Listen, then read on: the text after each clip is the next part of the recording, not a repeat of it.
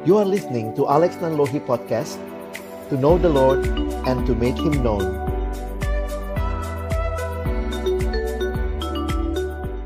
Mari berdoa sebelum membaca merenungkan firman-Nya. Benar ya Tuhan firman-Mu adalah firman yang hidup dan menghidupkan, firman yang kudus dan yang menguduskan, firman yang tidak berubah, tetapi firman yang sanggup mengubah kehidupan kami. Itulah yang kembali kami rindukan menjadi bagian setiap kami yang akan membaca dan merenungkannya. Berkati hambamu yang akan menyampaikan semua kami mendengar. Tuhan tolonglah kami semua agar kami bukan hanya jadi pendengar-pendengar firman yang setia, tapi mampukan dengan kuasa, dengan pertolongan dari rohmu yang kudus. Kami dimampukan menjadi pelaku-pelaku firmanmu di dalam hidup kami, di dalam pelayanan kami di masa muda ini. Waktu ke depan kami persembahkan dalam nama Tuhan Yesus Kristus, Sang Firman yang hidup. Kami menyerahkan pemberitaan firman-Mu. Amin. Shalom, selamat sore rekan-rekan yang Tuhan kasihi, yang juga saya uh, bersyukur ya melihat pimpinan Tuhan yang terus menyertai pelayanan kita di kampus yang kita cintai ya, uh, PO Visip Via dan bagi saya ini menjadi satu bukti ya. Setiap kali melihat ada generasi baru yang akan melanjutkan pelayanan ini ini satu bukti nyata kesetiaan Allah. Bahwa Allah sangat mengasihi domba-dombanya di kampus kita sehingga Tuhan membangkitkan teman-teman sekalian. Hari ini uh, kita akan lihat firman Tuhan dan mungkin di akhir nanti saya coba sharing sedikit apa yang juga saya alami, yang saya pernah rasakan begitu ya, melayani di kampus kita. Firman Tuhan hari ini dari Matius 9, 35 sampai 38 ayat yang sangat terkenal yang saya ingin kita refleksikan sekali lagi. Kita akan membacanya. Abang bacakan buat teman-teman, bisa ikuti di layar ya. Demikianlah Yesus berkeliling ke semua kota dan desa. Ia mengajar dalam rumah-rumah ibadat dan memberitakan Injil Kerajaan Sorga, serta melenyapkan segala penyakit dan kelemahan. Melihat orang banyak itu tergeraklah hati Yesus oleh belas kasihan kepada mereka, karena mereka lelah dan terlantar seperti domba yang tidak bergembala. Maka katanya kepada murid-muridnya, tuayan memang banyak, tetapi pekerja sedikit. Karena itu mintalah kepada Tuhan yang mempunyai tuayan supaya ia mengirimkan pekerja-pekerja untuk tuayan itu. Sedemikian jauh pembacaan firman Tuhan, berbahagialah kita yang bukan hanya membacanya, tapi juga merenungkannya, melakukannya dalam hidup kita, dan bahkan membagikannya.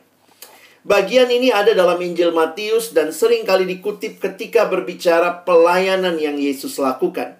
Ada tiga hal yang teman-teman bisa perhatikan dari teladan Yesus. Yang pertama di ayat 35 kita akan melihat ada threefold mission of Jesus. Ayat 36 kita akan melihat the compassion of Jesus, Jesus compassion. Dan ayat 37 sampai 38 adalah seruan doa Yesus, Jesus urged to pray earnestly. Nah, konteks dari bacaan kita kalau kita akan lihat bagian yang pertama, threefold mission of Jesus, dituliskan demikianlah Yesus berkeliling ke semua kota dan desa. Teman-teman, Jangan membayangkan waktu itu desa dan kotanya tuh sedikit ya. Apalagi kalau kita lihat di peta Alkitab, ay Yesus mah paling pergi deket-deket aja begitu ya. Tetapi dari satu buku tafsiran yang abang pernah baca mengatakan begini. Bahwa pada paling tidak waktu itu jumlah kota dan desa di zaman Yesus itu ada kurang lebih 200 kota dan desa memang yang namanya muncul di peta itu cuma kota-kota besarnya. Tetapi bayangkan waktu itu Yesus berkeliling ke semua kota dan desa. Dan apa yang dia lakukan? Teman-teman perhatikan ada tiga hal yang biasa disebut dengan threefold mission of Jesus. Yaitu dituliskan ia mengajar di rumah-rumah ibadat, memberitakan Injil kerajaan sorga, serta melenyapkan segala penyakit dan kelemahan. Kalau kita perhatikan inilah pelayanan yang biasa disingkat dengan uh, tiga ing gitu ya. Teaching, preaching, and healing. Ini mau menunjukkan bahwa Yesus melakukan pelayanan yang holistik. Dia tidak hanya peduli dengan yang namanya kerohanian orang, tetapi dia juga peduli dengan fisik mereka. Karena itu, Yesus pun juga melakukan pelayanan penyembuhan. Dia menyembuhkan segala penyakit dan kelemahan. Memang tidak semua orang juga mengalami kesembuhan waktu itu. Di sinilah kita melihat bagaimana sebenarnya Tuhan Yesus punya beban yang besar. Dan inilah yang kita perhatikan apa yang mendorong dia melakukan teaching, preaching, healing ke 200 kota dan desa dan ingat waktu itu belum ada uh, ojek online, Yesus pun belum naik uh, Air Asia, Citylink gitu ya. Tetapi kenapa dia melakukan itu semua? Maka ayat yang ke-36 mencatat bahwa di balik semua usaha kerja keras pelayanan yang begitu luar biasa ada compassion. Teman-teman, compassion ini menjadi ciri khas pelayanan Yesus. Dan ini yang juga saya pikir harusnya muncul di dalam kehidupan kita. Kenapa, teman-teman? Karena kalau bicara sekadar jalan-jalan keliling semua kota dan desa, melakukan pelayanan, tetapi pertanyaannya apa yang mendorong dan mendasari semua ini? Di dalam ayat yang ke-36 dituliskan, Melihat orang banyak itu, tergeraklah hati Yesus oleh belas kasihan, karena mereka lelah dan terlantar seperti domba yang tidak bergembala.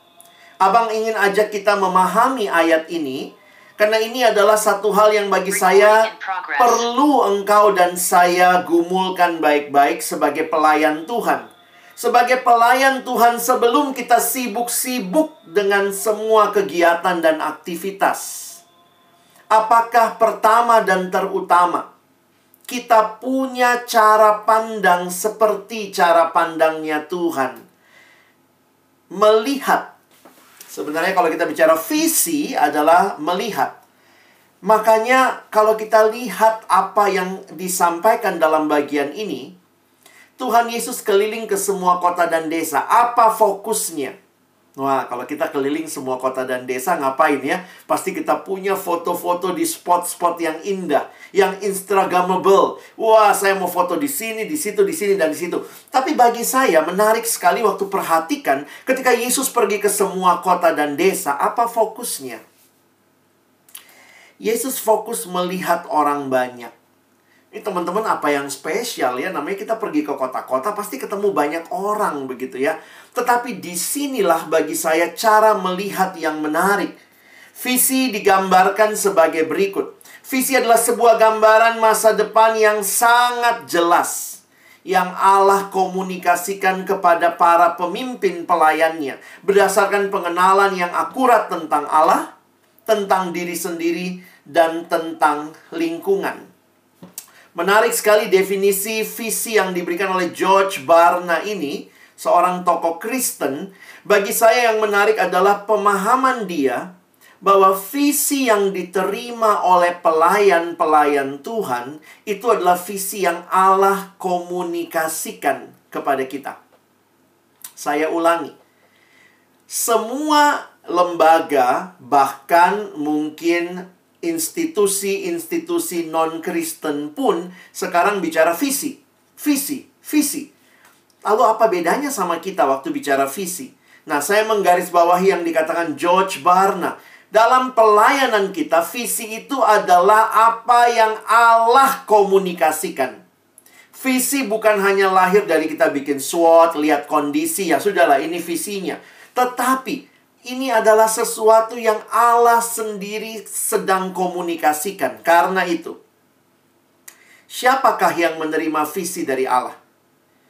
Visi diterima oleh mereka yang bergaul akrab dengan Allah. Kalau kita nggak bergaul akrab dengan Allah, jangan harap dapat visi, gitu ya. Karena visi ini adalah mereka yang bergaul dengan Allah. Kenapa saya angkat ini, teman-teman? Karena bagi saya gini. Apakah cuma Yesus yang lihat orang banyak waktu itu? Oh, pasti juga yang lain lihat orang banyak. Kan banyak murid-muridnya ikut sama Yesus pergi dari kota ke kota. Dan waktu ketemu banyak orang, mereka pun melihat orang-orang itu. Tetapi lihat bahwa Yesus bukan hanya melihat.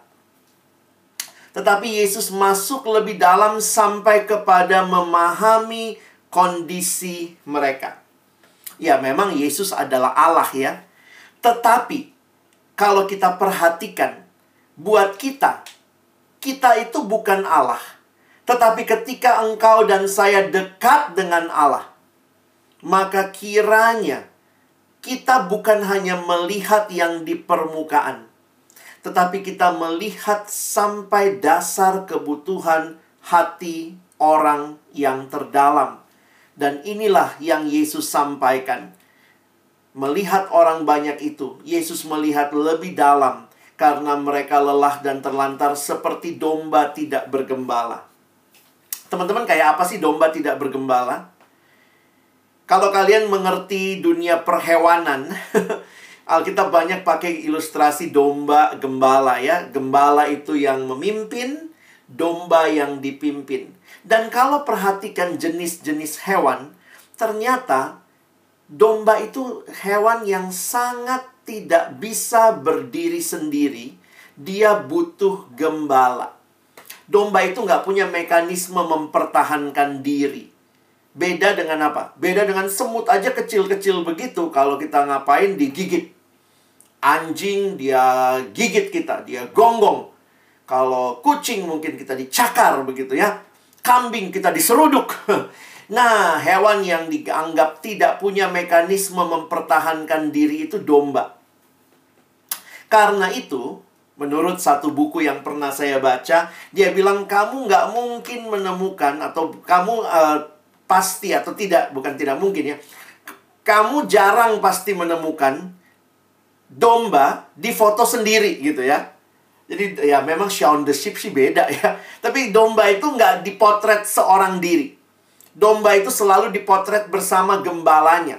Karena kalau domba dipotret seorang diri, itu tanda-tanda akhir zaman buat si domba. Kenapa? Kita coba lihat sebentar ya.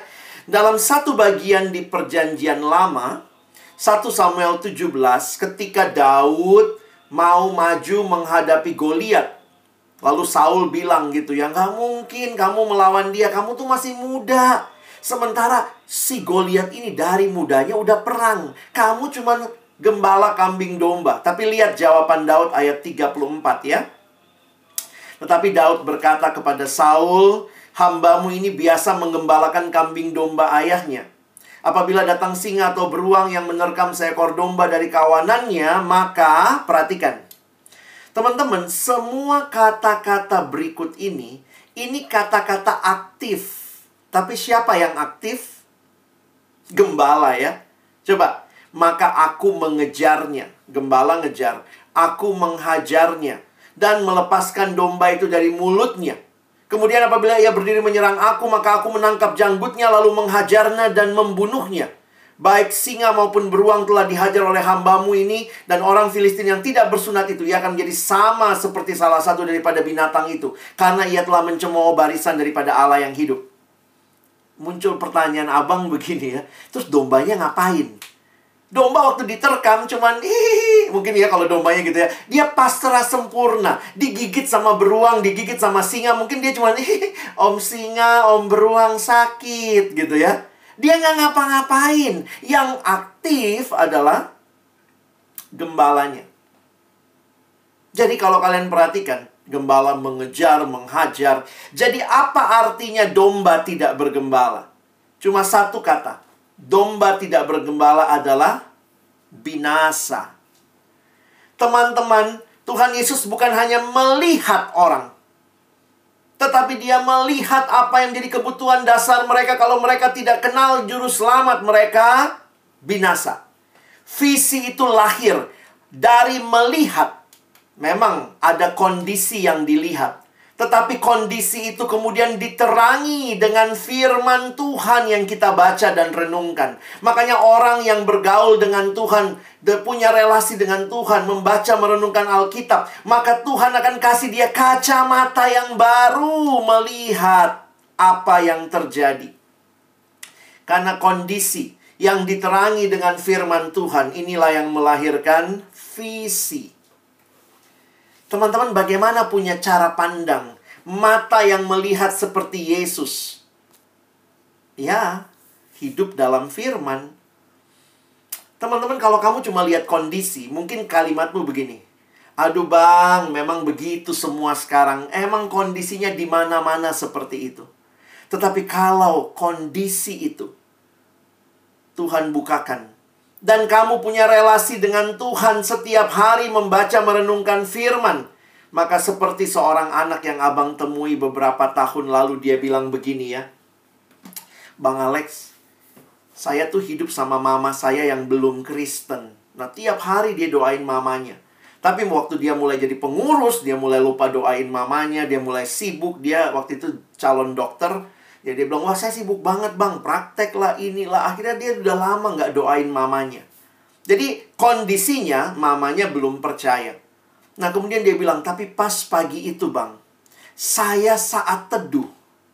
Dan dalam saat teduh itu, dia saat teduh teman-teman sederhana ya. Saat teduhnya cuma Yohanes 3 ayat 16. Tapi dia bilang waktu saya saat teduh itu bang, saya seperti dicerahkan. Ingat mamamu. Kalau dia tidak percaya Yesus, dia binasa. Dia bilang, maka mulai hari itu dia mulai giat lagi. Berdoa bagi mamanya, dia giat lagi memberitakan firman, dia giat lagi bersaksi kepada mamanya. Terus dia nanya sama saya, Bang apa ya, kok saya dapat seperti itu ya? Saya bilang tanda kutip, itu visi. Kamu sekarang dikasih kacamata baru yang kamu lihat setiap hari mamamu. Tetapi ketika firman menerangi, maka Tuhan kasih kacamata yang baru melihat mamamu bukan cuma sekadar dia mama, tetapi kalau dia belum percaya, dia tidak kenal Tuhan, maka dia binasa. Teman-teman, Tuhan Yesus melihat dengan mata ilahi yang berbelas kasihan. Bagaimana kita lihat kampus kita? Visit via. Lihat begitu banyak mahasiswa yang mungkin hidup di dalam kebobrokan. Ada yang terbiasa mungkin free sex, ada yang hidup terbiasa untuk mungkin lakukan apa yang dia mau. Kondisi-kondisi ini ya kalau kita bisa lihat ada orang yang suka bilang gini, "Ah, memang dasar anak fisip." Jadi dulu kalau lihat anak fisip cewek ngerokok, orang udah nggak nggak nggak ini kan kalau kalian ada di kampus ya lihat anak cewek merokok di fisip mah biasa fisip FIB itu biasa lihat cewek merokok. Jadi kalau kamu cuma lihat kondisi oh biasa. Tapi ketika engkau membaca merenungkan firman Tuhan hidup dalam Tuhan maka mungkin Tuhan akan menggerakkan hatimu lihatlah kondisi mereka. Dan ini yang Tuhan kemudian bagikan. Orang yang dipanggil untuk melihat bukan hanya kondisi, tetapi relasimu dengan Tuhan menajamkan engkau untuk menyerahkan diri melayani generasi ini. Karena itu Tuhan Yesus juga di bagian akhir ya kalau kalian lihat ya. Bahkan Yesus mendorong berdoalah. Kalimatnya tuayan memang banyak tapi pekerja sedikit. Lalu bagaimana? Karena itu doa, minta kepada Tuhan kepada tuan yang mempunyai tuayan supaya ia mengirimkan pekerja-pekerja untuk tuayan itu. Pekerja yang kayak apa, teman-teman? Pekerja yang hatinya sama seperti hati Tuhan. Yang hatinya hancur ketika apa yang menghancurkan hati Tuhan itu dia juga rasakan. Maka lagu ini jadi indah ya. Berikanku hati seperti hatimu yang penuh dengan belas kasihan. Berikanku mata seperti matamu, memandang tuayan di sekelilingku. Berikanku tanganmu untuk melakukan tugasku. Berikanku kakimu melangkah dalam rencanamu. Berikanku, berikanku berikan ku hatimu. Teman-teman, lagu ini diinspirasikan dari ayat-ayat yang baru saja kita baca. Apa yang diminta? Kita udah terbiasa lihat mahasiswa fisip via. Kenapa? Kita juga mahasiswa fisip via kalian bilang gitu ya. Udah biasa melihat apa yang ada di sekitar kita. Toh mereka teman-teman kita. Tetapi Tuhan sedang memanggil engkau untuk melihat mereka dengan mata Allah. Tuhan mau engkau lihat mereka dengan belas kasihan ilahi. Sehingga kalau ditanya mau jadi pengurus atau tidak, sebenarnya jangan jawab tim rek ya. Jawablah Tuhan yang memberikan mata itu untuk melihat jiwa-jiwa ini. Yang satu sisi, jujur aja kalau lihat anak UI, kita langsung bilang hebat. Anak fisik hebat, apalagi jurusan-jurusan tertentu untuk masuk aja susah luar biasa, punya daya analitis yang tinggi. Tapi ingat, kalau mereka tidak kenal Tuhan, mereka binasa. Karena itu Tuhan panggil engkau. Maukah engkau melayani? Inilah visi pelayanan mahasiswa ya. Karena ujung pelayanan kita tuh mahasiswanya. PO Visip Via hadir untuk melayani mahasiswa. Kenapa mahasiswa ini perlu dilayani? Satu sisi kalau kita lihat, wih ini generasi penerus bangsa, tapi jangan lupa. Kalau mereka tidak kenal Tuhan, mereka kaum intelektual. Kita melihat miliki ilmu, bisa mempengaruhi orang. Kita perlu layani orang seperti ini. Saya suka bilang gini teman-teman ya. Orang pintar, dosanya juga pintar. Benar nggak? Orang sederhana, dosanya sederhana. Maaf ya. Kalau misalnya ada tulisan membobol bank, saya pernah baca tuh ya, ada yang membobol kartu kredit teman-teman. Itu mahasiswa di Jogja. Dia membobol kartu kredit jadi barang dikirim ke rumah dia, tagihan ke rumah orang. Dia bobol kartu kredit. Dan kemudian waktu dibaca, dia adalah mahasiswa S2 ilmu komputer. Siapa yang bisa bobol bank? Yang pintar tapi hatinya jauh dari Tuhan, dia pakai kepintarannya hancurin orang ilmu komputernya untuk ngehack dan kemudian bisa minta kartu orang, barang ke rumahnya, tagihan ke rumah orang. Jadi di situlah saya jadi mengerti. Kenapa mahasiswa perlu dilayani? Kalau orang-orang pintar ini tidak kenal Tuhan, hatinya tidak diserahkan sama Tuhan, dia pakai kepintarannya untuk menghancurkan orang lain.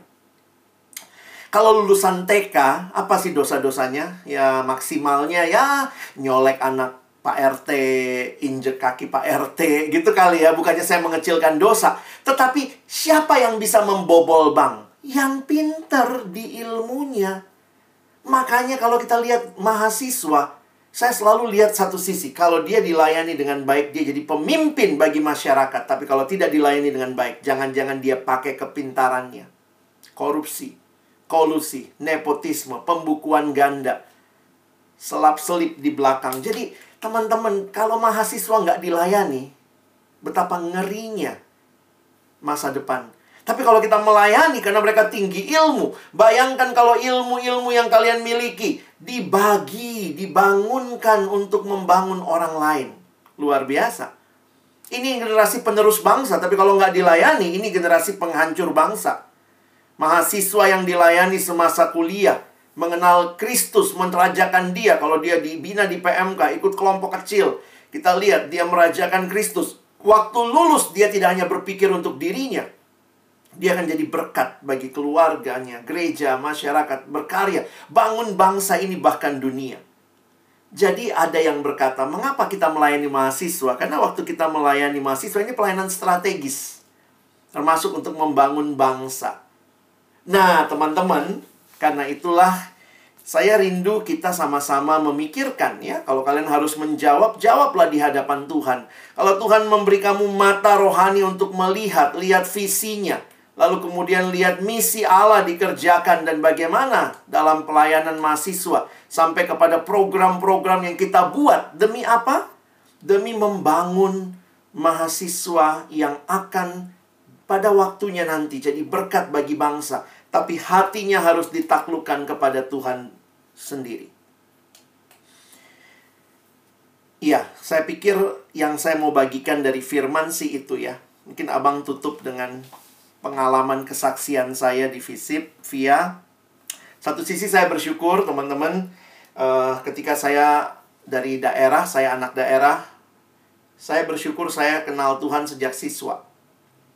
Jadi waktu saya dilayani di siswa, waktu saya ke Jakarta, nah saya ingat, oh saya ada di kampus. Saya ikut kelompok kecil dan kemudian waktu ditawarkan jadi pengurus, nah saya juga memberi diri. Nah tapi satu pengalaman yang berkesan berkaitan dengan firman hari ini adalah ketika seorang kakak PO, dia koordinator PO, waktu itu jadi abang ini kosnya deket stasiun pondok eh, stasiun UI ya.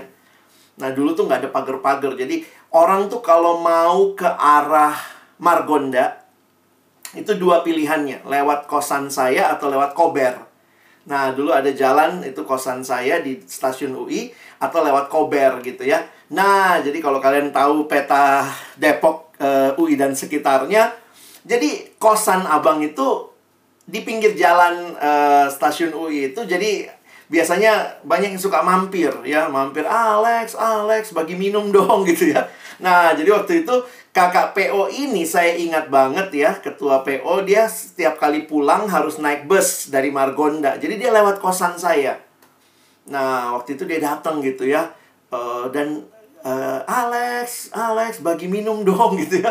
Ya udah. Nah, karena kakak ini cewek, saya nggak mungkin terima dalam kamar kan ya. Kalau laki-laki boleh masuk kamar. Jadi waktu itu saya terima di ruang TV gitu ya. Ah, halo Kak, ya. Datanglah di ruang TV gitu ya dan kemudian kita ngobrol-ngobrol. Nah, waktu ngobrol-ngobrol itu, saya kan masih anak baru ya.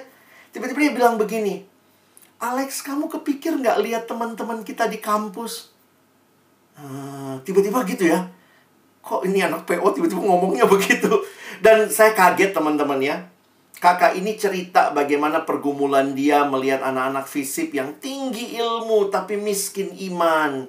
Anak-anak yang betul-betul banyak yang bagus-bagus ya. Beberapa kan orang-orang di fisip itu kalau lihat sekarang ya teman-teman saya tuh jadi tokoh-tokoh lah di masyarakat ya. Waktu itu dia bilang, tapi mereka tuh hidup seperti ini, seperti ini, seperti ini. Jadi kakak ini cerita. Dia cuma cerita ya. Waktu itu kan cuma minta minum ya. Tapi dia cerita ke saya. Dia bilang, kamu lihat nggak Alex? Terus dia bilang, kamu lihat nggak? Kamu lihat nggak? Saya bilang, saya lihat dalam hati ya. Saya lihat semua itu. Tapi saya belum lihat dengan kacamatanya Tuhan. Dan waktu kakak itu cerita, cerita, cerita, teman-teman tahu apa yang terjadi? Tiba-tiba dia nangis dong. Dia nangis di kosan saya di ruang TV. Dan dia dengan hati yang dalam, dia bilang, siapa yang akan peduliin mereka gitu ya. Wih, saya nggak enak juga sama ibu kos ya. Nanti kalau ibu kos saya lewat, ada cewek nangis-nangis, lu apain Lex gitu ya. Tapi jujur teman-teman ya, di situ saya jadi sadar apa artinya visi. Kalau kalian tanya, bagaimana abang melayani dulu apa yang dinikmati waktu melayani? Oh, yang dinikmati banyak ya. Mungkin saya nggak perlu cerita semua. Tapi saya mau cerita awalnya saya menangkap visi. Karena visi ternyata bukan hanya dihotbahkan, tetapi menular dari hidup yang sudah Tuhan ubahkan. Kakak itu dengan hati yang terbuka di hadapan Tuhan, dia menangis. Di situ pertama kali saya lihat ada orang yang nangis untuk orang lain. Selama ini nang saya nangis mah buat diri saya, kejepit pintu, disakitin teman, dimarahin orang tua. Tetapi hari itu saya melihat air mata untuk orang lain yang belum kenal kasih Kristus. Hari itu saya lihat ada orang yang punya hati melihat orang lain di sekitarnya. Dan hari itu Tuhan menolong saya pakai kacamata yang baru melihat jiwa-jiwa yang ada di kampus. Dan kacamata yang baru ini yang membuat saya berjuang. Pelayanan di FISIP tuh nggak mudah tawarannya banyak, bisa ikut ini, bisa ikut itu, mau aktif ini, aktif itu. Tugas kuliah kita juga padat kan. Bikin paper, zaman saya pakai pakai mesin ketik. Tapi kenapa waktu itu saya memberi diri? Waktu dipercayakan mimpin kelompok kecil, saya pimpin kelompok kecil. Nggak ada pemimpin laki-laki, saya turun lagi. Saya memimpin sampai empat kelompok dalam generasi yang berbeda. Saya turun lagi. Karena waktu itu saya menikmati Tuhan bukakan visi itu. Saya sedang melayani generasi ini. Orang-orang di fakultas saya yang kalau mereka kenal Tuhan, maka mereka menjadi berkat besar bagi bangsa ini. Tapi kalau mereka tidak kenal Tuhan, maka sebenarnya mereka juga bisa menghancurkan bangsa ini. Teman-teman, saya rindu apa yang nanti kalian jawab itu kalian jawab karena kalian makin kenal Tuhan, makin tahu hatinya. Karena kalau cuma sekadar pelayanan, nanti ada sukacitanya, ada apanya, ikut organisasi lain juga sama, ya. Mau ikut BEM, ikut uh, himpunan mahasiswa juga ada sukacitanya, ada pelayanannya, ada kerja kerasnya. Tapi saya ingin cerita tentang visi itu bahwa ketika Allah memberikan mata yang baru untuk engkau memandang sekelilingmu, maka lahirlah hati yang sukacita melayani, sukacita memberi diri. Kadang-kadang sampai malam persiapan kelompok kecil, kadang-kadang capek juga rapat online, kita harus mikirin program ke depan, tapi semua itu karena Tuhan sudah berikan mata yang baru untuk melihat tuayan di sekeliling kita. Kiranya teman-teman akan menjawab panggilan Tuhan dan itu apa ya? Visi itu terus dibaharui. Kadang-kadang mulai males, eh saat teduh lagi dapat lagi atau pas PJ diingatkan atau pas pembinaan pengurus, pas ngobrol dengan teman sesama pengurus. Jadi bukan berarti kalau sekali dapat visi, weh berkobar-kobar terus, tapi Tuhan bahkan menyiapkan komunitas yang terus akan menyemangati kita untuk melayani dia. Nah, saya pikir itu indahnya melayani di kampus. Karena bukan saya sedang melayani dengan kemampuan saya, tapi Tuhan sedang pakai saya. Karena itu dia kasih saya matanya untuk memandang sekelilingnya. Kiranya Tuhan menolong kita. Amin. Mari berdoa. Tuhan, terima kasih banyak buat firman-Mu, buat setiap perenungan, kesaksian yang dibagikan. Kiranya Tuhan sukacita melayani kami, lahir dari relasi kami dengan Tuhan. Kami mau berjuang, kami mau bersungguh-sungguh karena kami lihat betapa Tuhan mengasihi jiwa-jiwa. Dan Tuhan memberikan mata yang sama bagi kami untuk memandang jiwa-jiwa di sekeliling kami potensi yang luar biasa. Kalau kami lihat dunia sosial, dunia administrasi di bangsa ini butuh pembaharuan. Maka kami rindu melayani generasi ini lebih baik, khususnya di Visip Via. Agar ketika mereka dilayani dengan baik, mereka hadir di masyarakat, jadi garam, jadi terang, punya hidup yang berintegritas di tengah-tengah dunia ini. Tuhan, PO harus ada pengurus, ada orang-orang yang menyerahkan diri supaya orang lain dibangunkan. Kiranya kami pun boleh berbagian di dalam karya Allah bagi dunia ini melalui pelayanan di PO Visip Via. Tolong adik-adikku, baik yang masih bergumul, yang hari ini juga makin mengerti dengan jelas tujuan Allah bagi mereka. Kiranya boleh jadi satu tim yang baik untuk membangun kerajaan Allah di kampus kami Visip via UI. Kami bersyukur berkati sharing kami juga nanti boleh saling membangun, saling menguatkan. Dalam nama Yesus kami bersyukur, kami berdoa. Amin.